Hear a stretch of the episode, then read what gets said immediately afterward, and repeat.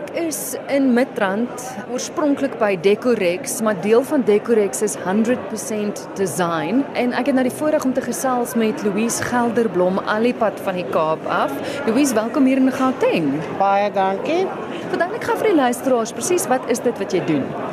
Ek maak groot formaat skulpturele werk in keramiek. So ek is 'n keramiekkunstenaar of 'n ceramicist eerder as 'n pottebakker. Ek maak ongeveer 100 stukke per jaar en elke stuk wat ek doen het geweldig baie detail daaraan en geweldig baie patroon en driedimensionele oppervlak merke, maar dit is alles in 'n baie neutrale monokromatiese range. Maak jy net een van elk? Ja.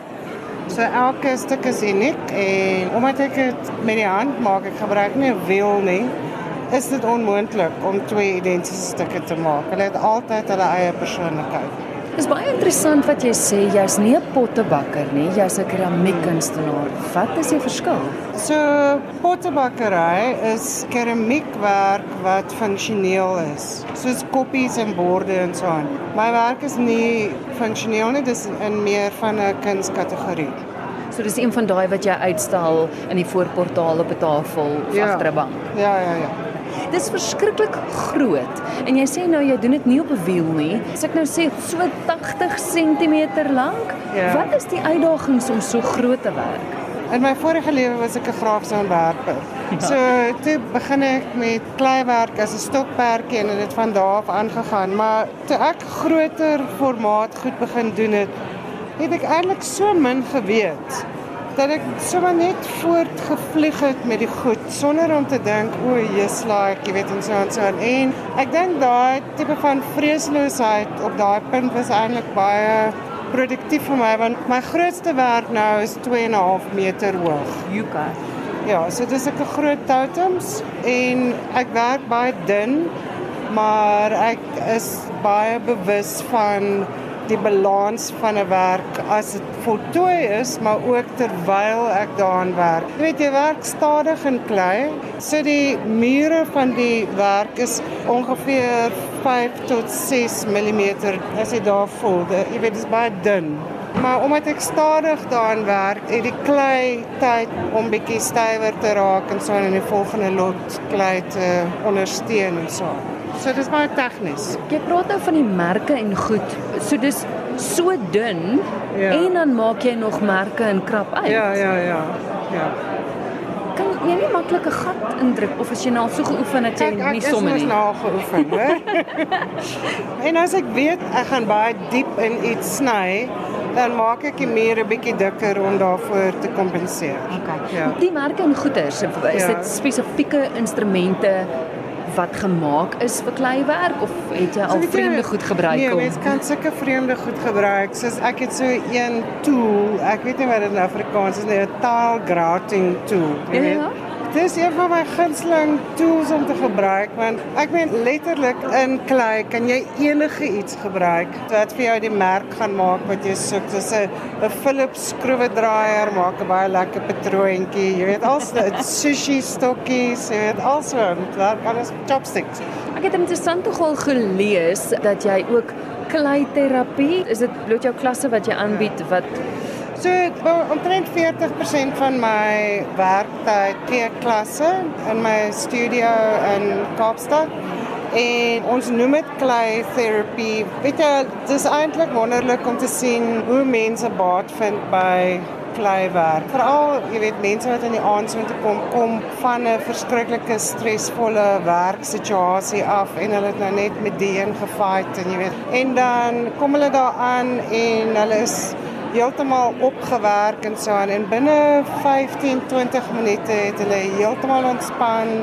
Hulle is uit hulle lineêre wêreld in 'n subconscious driedimensionele skepingswêreld in en teen die tyd wat hulle huis toe gaan in die aand is hulle so ontspanne, jy weet. So iets werk.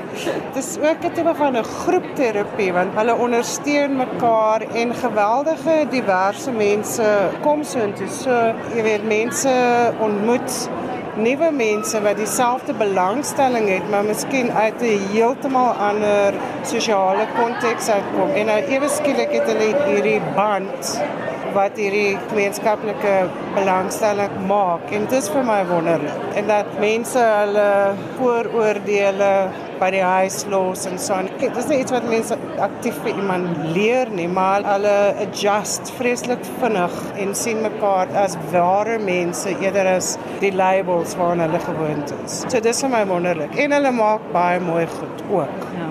Ek gesels met die keramiekkunstenaar Louise Gelderblom al die pad van die Kaap af. Louise, jy het nou gesê jy was in jou vorige lewe grafiese ontwerper ja. gewees, jy is nou keramiekkunstenaar, maar daar's nog iets anders. Jy het 'n kookboek uitgebring. Ja, Hoe ja, kom die twee bymekaar uit?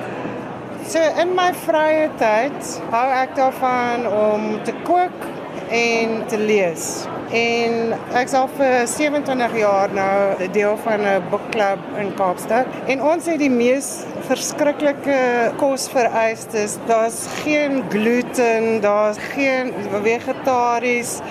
Die een wat nie kan gluten eet nie, kan ook geen tekstuur hê nie. Weet, so dit is 'n verskriklike challenge. En dit het sommer nog iemand gehad wat geband het ook. So elke maand die persoon wat die boekklub aanbied, die tyd wat die mense daar aankom, is daai persoon soos uitgestres oor hierdie, jy weet, die kos maak en alles. So ek het op die idee gekom dat dit sal lekker wees om 'n resepteboek bymekaar te sit, 'n baie toeganklike resepteboek te doen waar daar resepte is waar mense lekker kos vooraf kan voorberei sodat as hulle gaste daar kom, hulle nie hoef te staan en roer op die stoof of so nie. Hulle kan warm maak en opsit of dis heerlike slaaië of messe of wat ook al.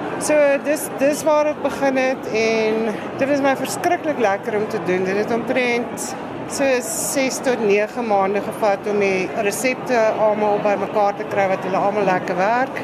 En toe was ek baie gelukkig om deel te wees van die stilering van die fotografie.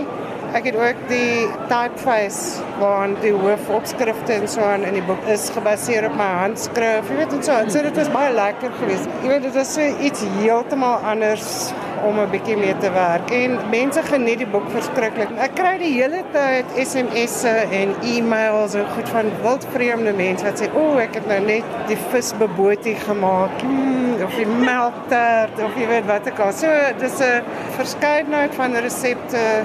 Dis oor die algemeen comfort food, maar dan is daar ook 'n deeglike mediterrane Italiaanse tipe van invloed. Wel, die boek moet uit die aard van die saak baie goed doen want jy was ergens op die kortlys van 'n baie belangrike ja, ja, ja, boeke ja, ja. iets. Ja, dit was 'n verrassing. Ek was op die kortlys van die World Gourmand Awards. Dit is 'n wêreld kompetisie, so ek was baie bly om op die kortlys te wees. Ek was 'n finalis. Wat is die titel van die boek? Dis The Book Club Cookbook Eat Your Words.